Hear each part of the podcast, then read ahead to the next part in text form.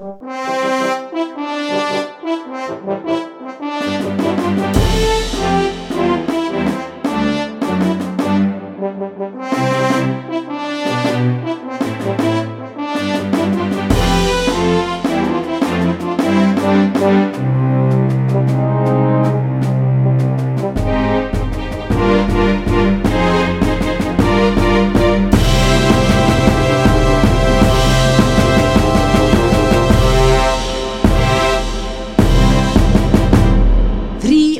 radikal. Uansvarlig, uflidd, uhøytidelig, uanfektet, uten smålige hensyn tar vi temperaturen på samtida, fortida og framtida.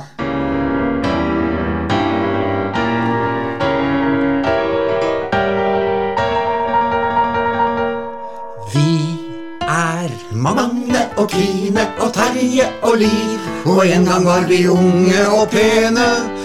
Vi sang og vi spilte politisk revy, der vi sa ifra hva folk burde mene.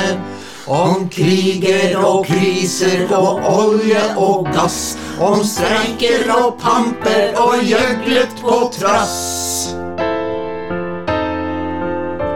Men nå er vi gamle, og nå har vi flass. Så forskjellen på da og nå er stor. Det har skjedd mer i mellomtiden enn du tror. Blant annet har vi lært oss nye ord. R-tallet. Villsmitte, Maskeplikt. Søringkarantene. Hudsavn. Folkestisutte, Kohort. Nødlandslaget. Lyshare. melaninrik, Balkongsolidaritet. Reisehets. Dorullskam. koronerulling, Hostebot. Den 12. mars 2020 fikk vårt politiske teaterprosjekt Hysj en bråstopp. Norge stengte ned. Etter 12. mars 2020 har det ikke vært mulig å spille levende teater for et levende publikum i Norge. Derfor podkast. Vi har blitt gamle, så vi kunne ha laget en podkast om demens. Hva vil vi ha? Bedre hukommelse! Når vil vi ha det? Hva da?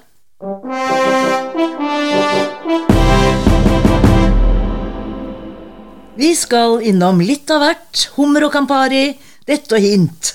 Det er som om livet selv en stakket stund vil passere revy. Dette kunne ha blitt skikkelig forvirrende hvis ikke vi hadde hatt struktur, men det har vi. Dette er en februarpod, og vi skal sneie innom denne månedens skurker og helter. Vi skal legge det legendariske året 1981 under lupen. Der vi skal innom besnærende overskrifter som Nam-Nam for tida og Brask og Dram. I en krok i podkasten finner vi månedens mytehjørne, der den hellige Valentin får sitt pass påskrevet. Eller får han egentlig det? Konspiratorleif vil fortelle oss hvordan verden egentlig henger sammen. Hva har egentlig februar hatt å by på gjennom tidene? Februar før. Med Bent Høies Lykkeland 100, eller var det 150 dager unna, har vi trøstefullt begitt oss inn i årets andre måned, februar. Februar er oppkalt etter romernes renselsesgud Febros, og midt i måneden gikk den store renselsesfesten Februa, også kalt Lopercalia, av stabelen. Det var jo et ork med all denne renselsen, så kanskje det var derfor februar bare fikk 29 dager. Nei da, da keiser Augustus trengte en ekstra dag til sin måned, august. Han kunne jo ikke ha en måned med bare 30 dager når Julius, altså Cæsar, hadde 31 i sin måned, altså juli. Da tok Augustus den fra februar, som dermed ble sittende igjen med bare 28. Bortsett fra trøstedagen hvert fjerde år. Stakkars februar. Får man feber i februar? Pff, hvor dumme ordspill er det mulig å lire av seg? Akkurat det er det selvsagt ingen grense for, men feber kommer altså fra det latinske verbet februare, som betyr å rense.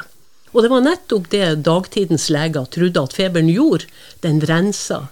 Ikke så dumt tenkt, egentlig. Februar er den store revolusjonsmåneden. Det var februarrevolusjoner både i 1848, i nesten hele Europa, og i 1917 i Russland. Disse trenger vi ikke å rippe opp i nå, derimot skal vi rippe opp i en litt mindre kjent februarrevolusjon. Den 27.2.1534 startet Münsterrevolusjonen i Tyskland. Herrene van Leiden og Mattis tok kontroll over byen Münster og drev ut alle katolikker og lutheranere som ikke ville være med å bygge et samfunn uten synd, men med kjærlighet. Særlig det siste. Van Leiden holdt seg med 16 koner og halshogde selv en av dem på torget i Münster, så dette med uten synd var nok en smule oppskrytt. Münster holdt ut mot beleirende tropper et års tid. Så var det slutt. I vår jakt på de mer bortgjemte februarbegivenheter kommer vi ikke utenom det fundamentale spørsmålet hvor dypt kan et menneske synke? Svaret er enklere enn hva man skulle tro. 4050 meter. Det var iallfall rekorden som ble satt den 15. februar i 1954 av to franske marineoffiserer i ubåten med det litt prosaiske navnet, kanskje, FNRS-3. Det er som kjent guden Amor, eller Eros som han opprinnelig het i Hellas, som skyter sine kjærlighetspiler på menneskene. Ja, til og med på skomakere. Men 12. februar 2001 ble Eros selv truffet av Shoemaker. Få skomakere er vel kommet så langt bort fra sin lest. Eros er i denne sammenheng en asteroide som suser rundt der oppe et sted mellom Mars og Jupiter. Litt synd kanskje at romsonden Shoemaker ikke valgte å få nærkontakt med en annen asteroide. Den som bærer det stolte navn Edvard Munch. I så fall hadde Munchs poetiske tresnitt møte i verdensrommet fått enda en ekstra dimensjon. Månedens lille latinske er Sic transit gloria mundi. eller slik forgår verdens herlighet. Ikke helt tilfeldig siden eh, Emily Dickinsons dikt med samme navn ble utgitt den 20. februar i 1852. Dermed ble det et av svært få diktene hennes som ble offentliggjort i hennes levetid. Så ble de da også utgitt mot hennes vilje. Vi kommer vel heller ikke utenom John Glenn, som faktisk kom utenom. Utenom jorden, utenom atmosfæren, som den første amerikaner. På samme dag som Emily Dickinsons dikt kom ut, men 110 år seinere, i 1962, kom John Glenn ut i bane rundt jorden. Da hadde allerede først Gagarin og deretter Titov pekt nese til amerikanerne fra høyt der oppe. Tre runder tok Glenn seg tid til, før han nesten brant opp på vei ned. Men bare nesten. Mindre kjent er det kanskje at Glenn tok seg en svipptur til i 1998, i en alder av 77 år, som verdens eldste menneske i det største rommet av dem alle, verdensrommet. Kanskje ikke helt ufortjent at han har fått sin egen dag. Den 20. februar er John Glenn Day over there. Den må han riktignok dele med President's Day og Love Your Pet Day. Hadde han blitt president, noe han faktisk prøvde på, kunne man slått sammen de to første, og siden han på sett og vis er hele Amerikas kjæledegge, kunne alle tre slå sammen til en heidundrende festdag.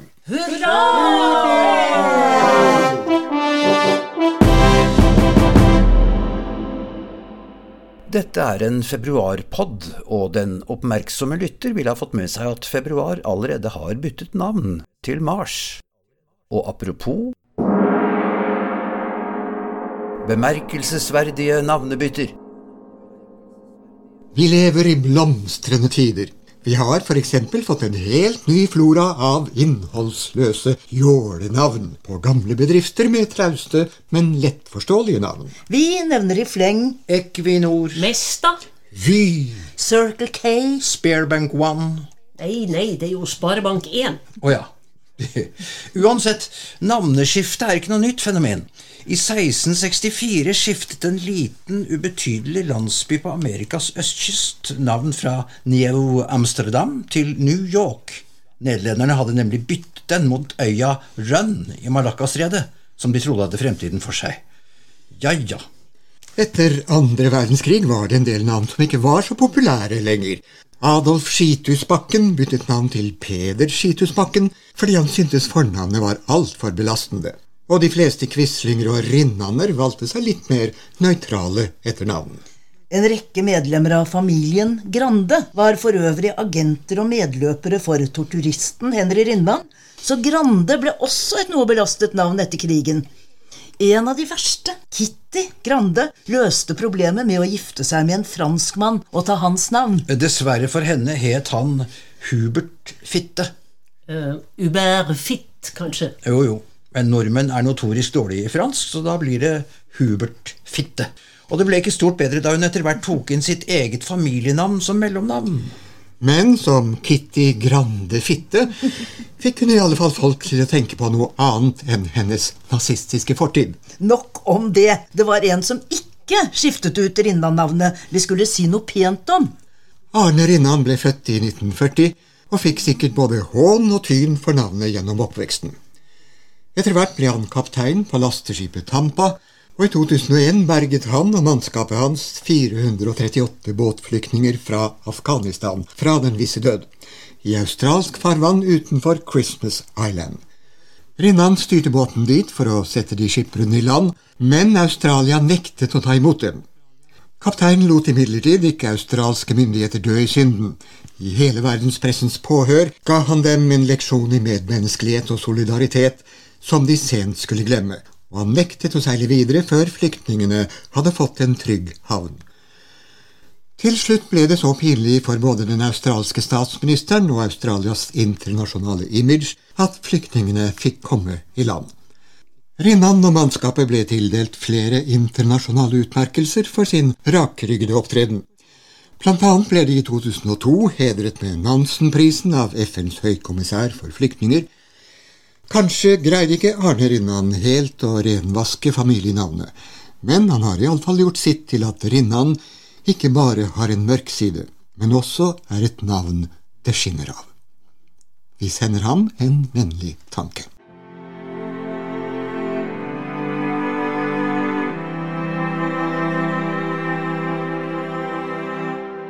Det heter jo så vakkert at navnet skjemmer ingen.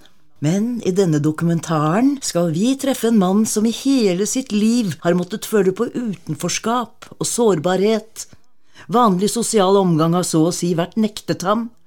Mange tunge stunder, faktisk bare tunge stunder, vold, rus, gladjazz og økonomiske problemer. Jeg var tre år da faren min dro sin vei, og det eneste han la igjen til mor og meg, var en gitar og en tom flaske brennevin gjemt på do. Jeg forsto at han rømte fra spillegjeld, men jeg hatet ham inderlig likevel, for før han forlot oss, rakk han å få døpt meg Gro. Jeg tenkte at han gjorde det som en slags spøk, jeg fikk ikke spurt, han kom aldri på besøk, men jeg så han for meg fortelle om det mens han lo. At de jentene foraktet meg, kom fort for en dag. Av guttene fikk jeg bare spark og slag. Ja, livet er brutalt for en gutt som heter Gro. Jeg ble voksen fort, jeg ble sterk og slem. Fikk alltid juling og tok alltid igjen. Jeg tenkte aldri lenge før jeg slo. Jeg flyttet stadig rundt i fortvilelse og skam. Tenkte treffer jeg faren min, så dreper jeg ham. Det er fullt fortjent for en mann som har kalt sønnen sin Gro. Så en dag den sommeren jeg fylte før, kjørte jeg langs E6 og halsen var tørr. Jeg trengte en øl og stanset ved en passende kro. Og i det innerste hjørnet satt en gjeng og drakk. De stinket og så ut som det verste pakk. Og midt blant dem satt han som hadde kalt meg Gro. For på kinnet hadde han et arr på skrå, som på bildet mamma har tatt vare på. Han var stor og gammel, og fingrene begynte å klø. Han reiste seg, blikket som traff meg var svart, min røst var sterk og mitt mål var klart. Jeg sa jeg heter Gro, hallo, nå skal du dø!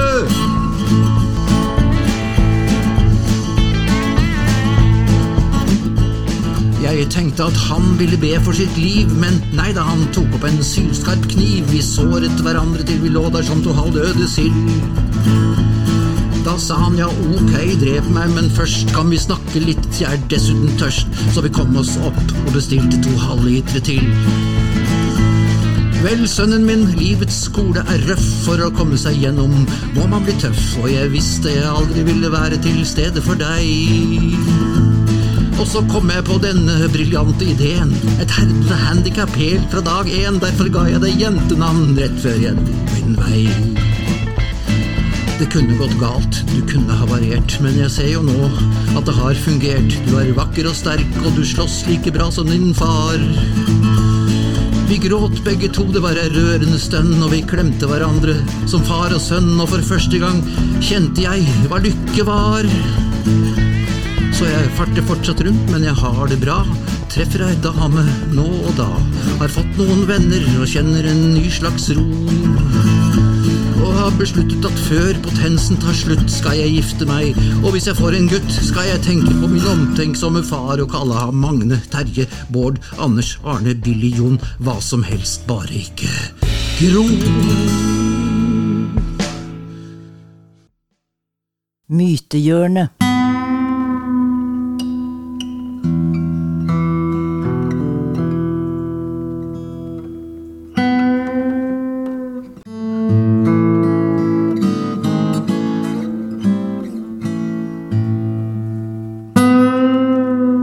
Presten Valentin levde i Romerriket da keiser Claudius 2.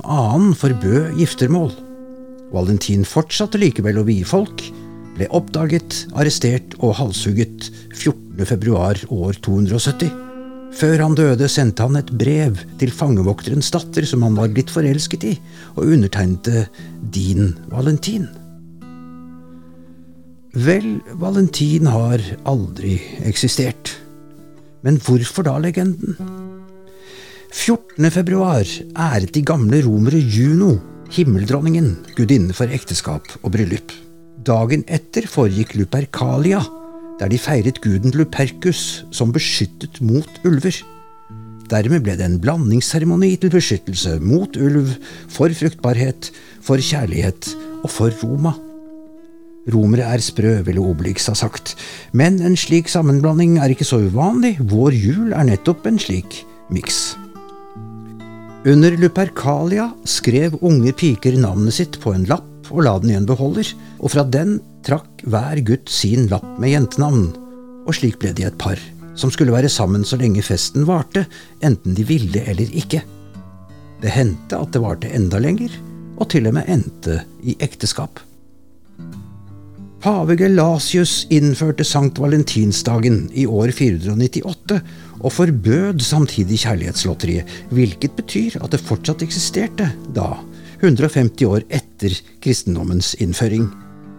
Det må også ha overlevd middelalderen, for Shakespeare refererer til dagen i En midtsommernattsdrøm, kaller flere av sine romantiske karakterer for Valentin, og lar Ofelia i Hamlet synge til sin elsker i Hartvig Kirans oversettelse.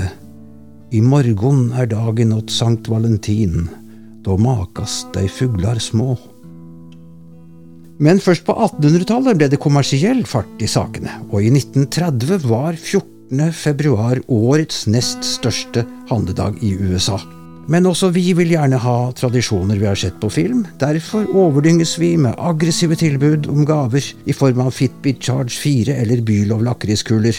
Så midt i februar hvert år minnes vi en valentin som ikke har eksistert, med glansfylte kjærlighetspakker fra kjøpesentre, profesjonelt innpakket konfekt, sexy undertøy og langstilkede roser til tre ganger normalpris. Eller vi lar være.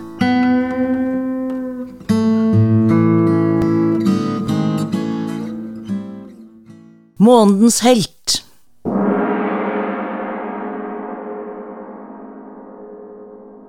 Høsten 1915 demonstrerte en kjemiprofessor bruken av gassmaske på høyskolen i Honolulu med tragisk utfall.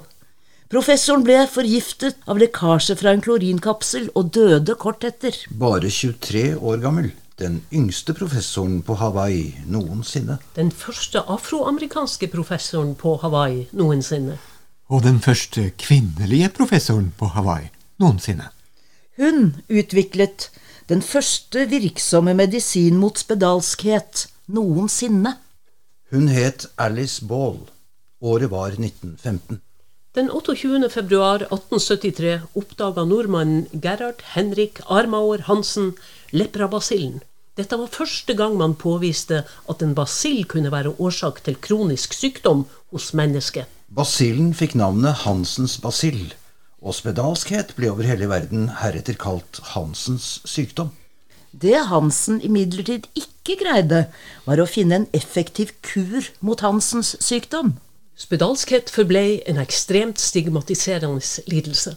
I USA ble alle som fikk påvist spedalskhet, sendt til forskjellige interneringsleirer som ingen noen gang kom seg levende tilbake fra, og ble juridisk klassifisert som død.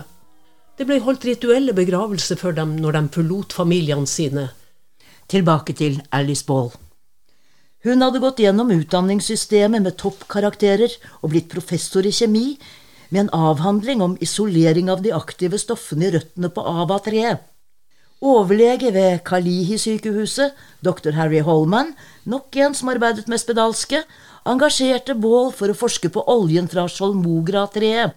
Oljen ga en viss lindring når den ble smurt på huden, men den syntes umulig å injisere da det førte til voldsomme smerter og brekninger. Bål tok utfordringen. Ja, ja den, den godeste frøken Baal er jo litt morsom, da. Har du hørt om hennes siste fikse idé? Nei, at uh, spedalskhet er en mental vrangforestilling. Ja, det òg. Det òg, kanskje. Ja, nei. nei. Hun påstår at spedalskhet kan kureres. og, og at hun kan finne kuren! Så det som den medisinske forskningen ikke har greid på flere tusen år, skulle en ung jypling av en niggerdame fikse på noen annet? Så nå sitter hun bøyd over mikroskopet om nettene for å finne en metode. Balls metode! Ja, den er god. I løpet av forbløffende kort tid greide Alice Ball å isolere de aktive stoffene i sjalmogra-oljen og blande dem i en spesiell kjemisk løsning som kunne opptas i kroppen uten bivirkninger. Resultatet på pasientene var forbløffende. Sykdomsforløpet ble reversert, og mange av de juridisk døde kunne etter hvert flytte hjem og leve normale liv. Denne effektive metoden ble etter hvert kjent som Balls metode. Men det skulle ta sin tid. Som vi hørte, døde Baal av klorinforgiftning. Hun hadde ennå ikke rukket å publisere forskningen på kuren mot spedalskhet. Rektor ved høyskolen, Arthur L. Dean, publiserte forskningen hennes som sin egen og kalte metoden for Deans metode. At dette var hennes forskning og hennes metode, ble ikke endelig bevist før på 1970-tallet. Først i vårt årtusen har Alice Ball fått den anerkjennelse som hun fortjener. I år 2000 ble den 29. februar offisielt erklært som Alice Ball Day på Hawaii. Den ledende medisinske institusjonen The London School of Hygiene and Tropical Medicine har lenge hatt en frise på fasaden med navnene på 23 banebrytende medisinske forskere, alle menn. I 2019 ble tre kvinner føyd til, Florence Nightingale, Marie Curie og Alice Ball.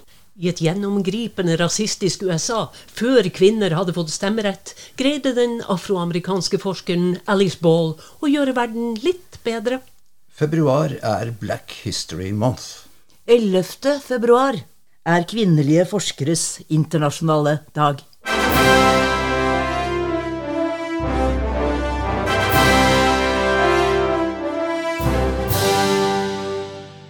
«1981 passerer revy.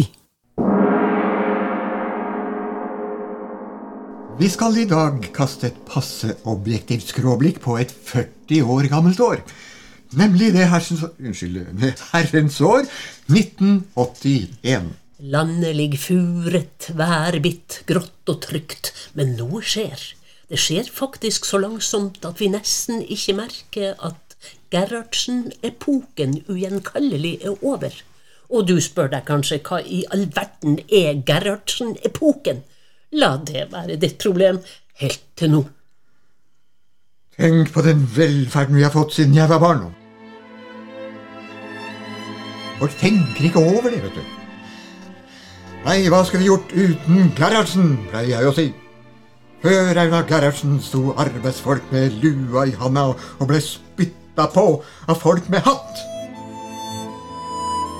Einar Gerhardsen innførte likelønn og sommertid og joikakaker og varmtvannsbeholder og barnetrygd og nylonstrømper og, og Dagsrevyen. Og dette er det faktisk mange som ikke er klar over. Og mens alt dette foregikk, da var kona til Gerhardsen, Verna, hjemme og fant opp kneippbrød, slik at arbeidsfolk kunne lage seg matpakker med vitaminer i. Verna bakte kneiper og smurte matpakker til hele Oslos befolkning. Og etter det har vi aldri sulta i dette landet.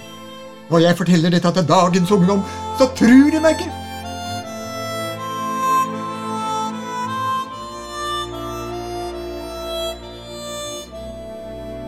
1981. Året da Altaelva ble Norges navlestreng og høyrebølgen plasket mot de værbitte strender. Året da Oddvar gikk og Gro kom, og Gro gikk og Kåre kom, og Gro og Kåre kom ut og inn av TV-studio og kranglet. Årets nyord i 1981 bærer bud om hva som skal komme. De er frynsegoder, flatfyll, videovold og Internett. Var det et varsel om fremtida? Lytt og lær. Magne, dra oss gjennom de viktigste hendelsene i 1981 på 40 sekunder. Ja, det var jo krig og katastrofer, da. Det var jordskjelv i Hellas, Iran og Kina. 2000 omkom i en jernbaneulykke i India. Egypts president Anwar Sadat ble myrdet. Pave Johannes Paul 2. og president Reagan ble skutt, men ikke drept. Det var nynazistiske mord på Hadeland. Arnfinn Nesse ble fengslet for drap på 22 pleiehjemsbeboere i Orkdal. Og Post-It-lappene ble lansert. Akkurat det var vel ikke noe katastrofe? Spør de titusenvis av arbeidstakere som etter hvert ble tvangsinnkalt til omorganiseringsseminarer med liksom demokratisk Post-It-lapp-idémyldring, så får du svar på det. Men det skjedde vel noe positivt i 1981? Jo, Målfrid Grude Flekkøy ble verdens første barneombud, og Norge slo England 2-1 i fotball, og Bjørge Lillelien hadde en travel dag på jobb. Vi har slått dem, alle sammen! Vi er best i verden! Maggie Thatcher, can you hear me? Hvordan sto det egentlig til med musikken i 1981? Ikke så verst. En ukjent symfoni av Mozart ble oppdaget, mens Griegs forbudte symfoni ble spilt for aller første gang. I popverdenen hadde Dolly Parton et særdeles travelt år. Hun måtte stå tidlig opp og jobbe. Working nine to five, what a way to make a living. Barely getting by, it's all taking and no giving. Men det ble iallfall en ganske hyggelig inntekt av jobbingen. Søta Brors etter hvert velkjente kvartett ABBA syntes i grunnen at det var helt naturlig at The winner takes it all. The loser standing small beside the victory. Og når man selv er vinneren, så er jo det en ganske naturlig tanke. Sting og The Police hadde en smule idétørke på tekstfronten dette året. Men de greide iallfall å si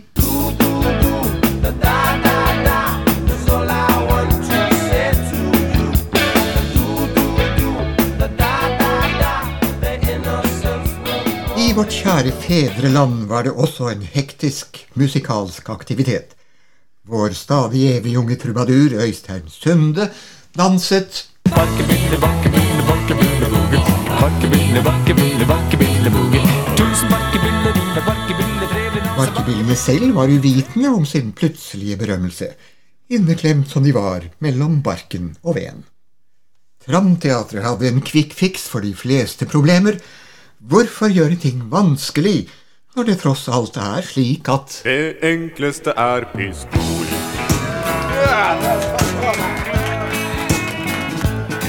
Du kan lese og studere til du blir doktor og kan til jolle. om hvordan løse konflikter hvis vennskapsforhold svikter. Du kan lære å forhandle med regler, bord og stol. Men det enkleste er å løse konflikten med pistol.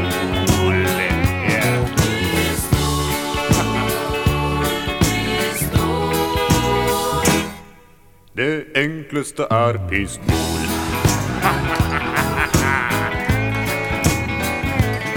Det fins mange slags problemer under vår felles sol. Det syns flest av disputaser mellom land og folk og raser. Det kan være du ikke liker at din nabo er spanjol. Men det enkleste er å løse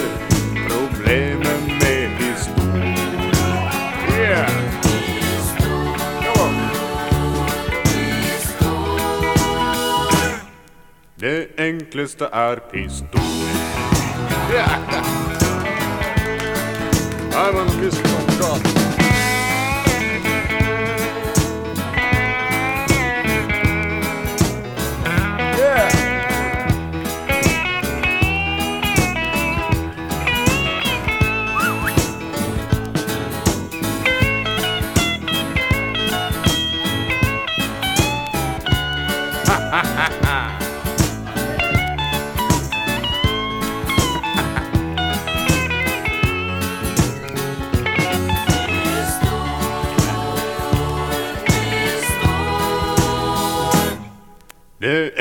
Enkleste er pistol.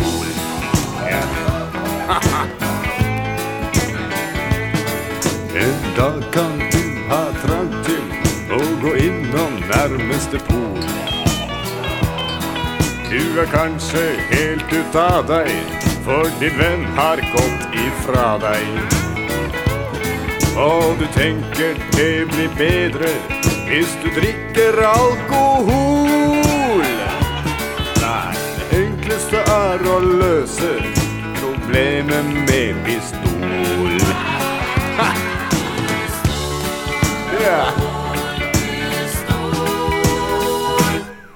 Det enkleste er pistol.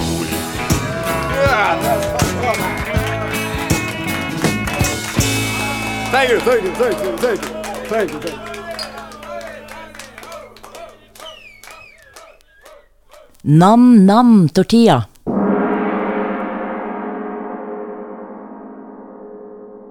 Vi skal til en skjellsettende, men oversett begivenhet i 1981.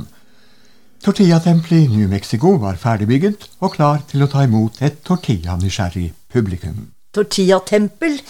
ja, et vaskeekte tortillatempel. Etter 20 år på Munch-museet er jeg jo godt vant med at folk finner skriklignende mønstre overalt, i trær og på steiner og på et slitt transportbånd og til og med på en kotelett i en slakterbutikk i Bodø. Tuller du? Nei, overhodet ikke. Det transportbåndet tror jeg til og med de har stilt ut. Wow. Men eh, den koteletten gikk vel ut på dato ganske fort. Men nok om skrik. Jesus dukker også opp på de utroligste steder. Og i 1977 ble Maria Rubio i New Mexico temmelig overrasket da hun fant Jesu portrett svidd inn i tortillaen hun nettopp hadde stekt. Tra-la-la-la, perfekt. Kjevletynt, alltid tørr stekepanne, alltid. Steke nam-nam tortilla. Alt dette sa hun på spansk, selvfølgelig. Å, min tortilla blir så fin, den skal jeg ha til middagen min. Så fin, så fin, den har et ansikt. Titt hei! Ja, hun sa faktisk titt hei på spansk, tro det eller ei. Hei, hei! Men det er jo Det er jo hellige himmel og hav. La. Det var dra meg langsomt inn i fuglekassa på spansk. Kristus! Frelseren! På min tortilla. Åh.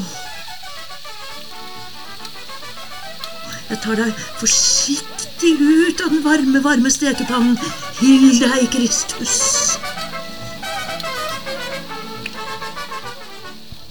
Vet De hva, fru Rubio? Jeg tror på mye rart. Ja ja, men sann, men dette har jeg vondt for å tro. sa den lokale presten. Skulle Kristus vise seg i en tortilla? Se selv! Er det eller er det ikke Frelseren? Der kan du se. Så sannelig, min sombrero. Dette er mitt legeme, som han sa. Du må velsigne den. Nå! Høyst uvanlig. Men selvsagt. Jeg ringer avisen. Og allerede neste dag ringte det på. Veremos tortilla, Jesus. Veremos tortilla, Jesus. Veremos tortilla Jesus! Veremos tortilla Jesus! Og det strakte seg en lang kø gjennom hele den vesle hagen. Og dette ble et problem, det ble et evig renn av folk i Marias stue. Tortilla Jesus var en sensasjon. Jeg må bygge et tempel til min hellige tortilla. Som sagt så gjort, og i 1980 fikk fru Rubio bygget et lite tempel for det hellige svimerket på tortillaen i hagen sin. Tortillaen helbredet mange, men seg selv kunne den ikke redde da den en skjebnesvanger dag i 2005 falt i gulvet og smuldret opp. Dattera til Maria Rubio, Angelica, fikk den plagsomme æra av å vokse opp som The Tortilla Kid. Hun var flau på familiens vegne og skeptisk til tortillaen sine mirakuløse evner. Men hun ble vitne til to helbredelser. Mora, Maria, hadde tidligere slitt med tunge depresjoner, men etter at Frelseren hadde smilt til henne i tortillaen, ble hun ei livsbejaende mamma. Og den sterkt alkoholiserte faren slutta å drikke. Han torde vel ikke annet etter at Kristus var flytta inn i huset. Og, forteller Angelica, moren ble på sett og vis en banebryter. Før tortilla Jesus hadde ikke folk sett Kristus i matvarer. Men etter hvert som ryktene om miraklet i New Mexico spredte seg, dukket Frelseren opp overalt. På potetgull, fiskepinner, tacoskjell, pannekaker, bananskall, appelsinbåter, manbrød, pizza, pitabrød, grillet ost, iskrem, eple, rå potet, glutenfri hvetebakst og pirog. Pirogen ble solgt på eBay for 1775 dollar. Og enda er det noen som tror at miraklenes tid er forbi.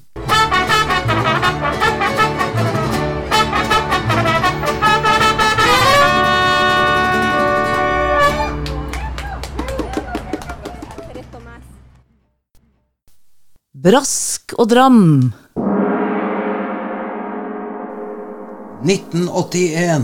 Dramatisk okkupasjon og motokkupasjon. Afghanistan? Danmark Oi! og Canada. Oi, oi!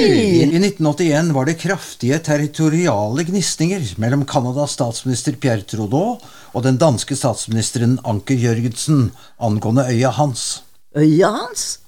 Hadde Anker Jørgensen en egen øy? Nei, øya het hans. Det heter den for så vidt fortsatt, og den ligger nøyaktig midt i Nares-stredet, det som skiller Canada og Grønland. Dette stredet er så smalt at Hans ligger innenfor begge lands territorialgrense, så begge land gjorde innbitt krav på Hans. Man kan selvsagt spørre hvorfor. Hans var jo bare en liten ubebodd og ubeboelig steinblokk, omgitt av isfjell. Ja, den gangen var det faktisk isfjell der. Dere vet den globale oppvarmingen har Ja, gjort ja, sånn. ja, Ja, vi vet ja, vi vet. Ja, men hvem vet? Plutselig finner de olje eller gull på hans. Så Ja, de var altså skikkelig tottene på hverandre, de to Nato-landene. Og det endte med at Canada i dypeste diplomatiske hemmelighet invaderte hans og plantet det canadiske lønnebladflagget på hans blankskulte klipper. Men dette ville ikke Tordenskiolds etterkommere i den danske marinen finne seg i. De gjenerobret hans med brask og dram. Dram? Ja, nettopp. De rev ned det canadiske flagget og plantet sitt eget Dannebrog der i stedet. Og som krigsbytte tok de flasken med canadisk whisky som sto der fra før, og satte igjen en flaske gammel dansk.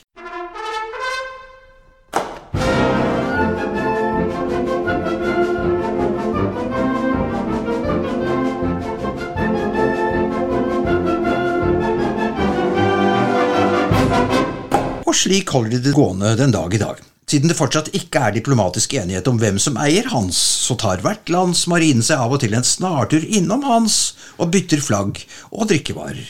Ingen dårlig måte å løse internasjonale konflikter om landområder på, egentlig.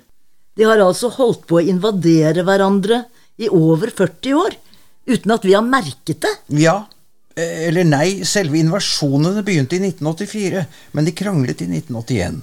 Litt. Så krangelen begynte i 1981.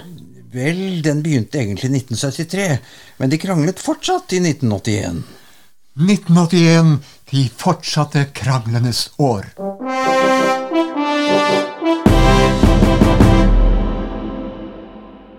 Konspiratorleif.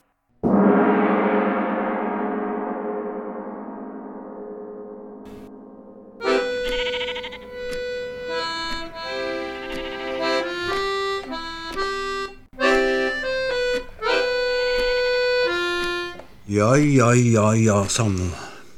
Jeg visste det. Jeg visste at valget var rigget. Jeg sa det til Arnt.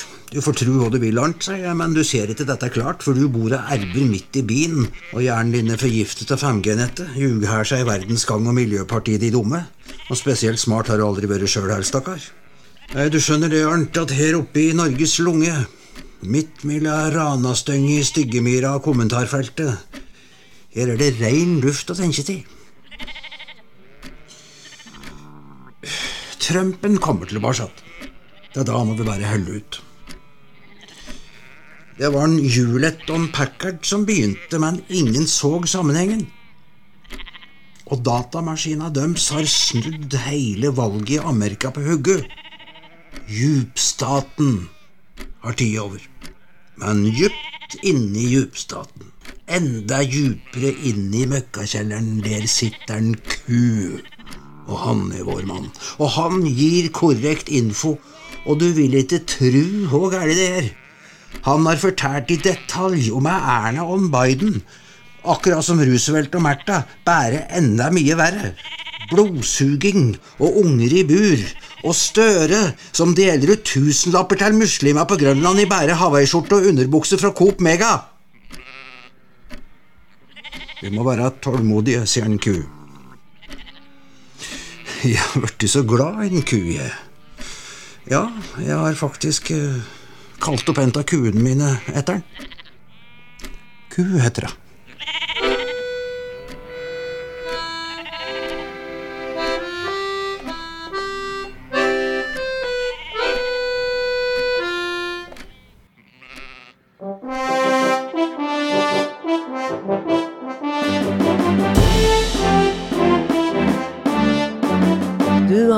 Februarutgaven av podkasten Frie radikale, utgitt med støtte av Norsk kulturråd og Fritt Ord. Musikalsk støttekontakt og hjelpemann Bård Skift.